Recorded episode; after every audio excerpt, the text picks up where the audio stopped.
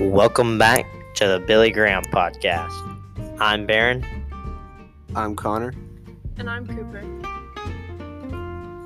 Billy Graham was a spiritual advisor to many presidents during his lifetime. He was particularly close with Dwight D. Eisenhower, Lyndon B. Johnson, which was one of his closest friends, and Richard Nixon. Graham was a spiritual advisor to U.S. presidents. A spiritual advisor is someone who speaks to your soul and guides you to lead an ethical life, nurturing the deepest parts of you, and someone who facilitates the process of questioning the deepest structures of meaning. He, had brought, he advised spiritual counseling to every president, from Harry S. Truman, which was the 33rd president, to, to Donald Trump, which was the 45th. He is particularly close to Dwight D. Eisenhower, who had a huge effect on the Christian faith through the government, Lyndon B. Johnson, which was his best friend, and Richard Nixon.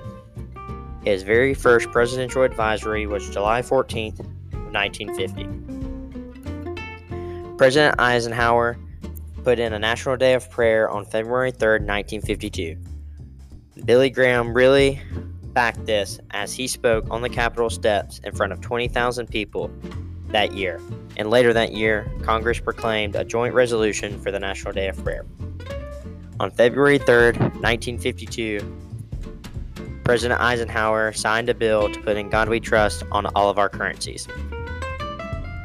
So, on all of our coins and dollar bills, we have in God We Trust.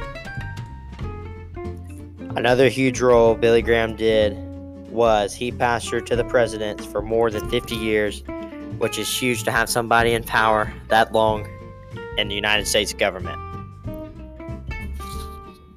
The main purpose of Billy Graham's role in the government was there's never been anybody of the Christian faith to have that big of a role in, in any government in the world. Thank you for listening to the Billy Graham podcast and join us next week for episode number four.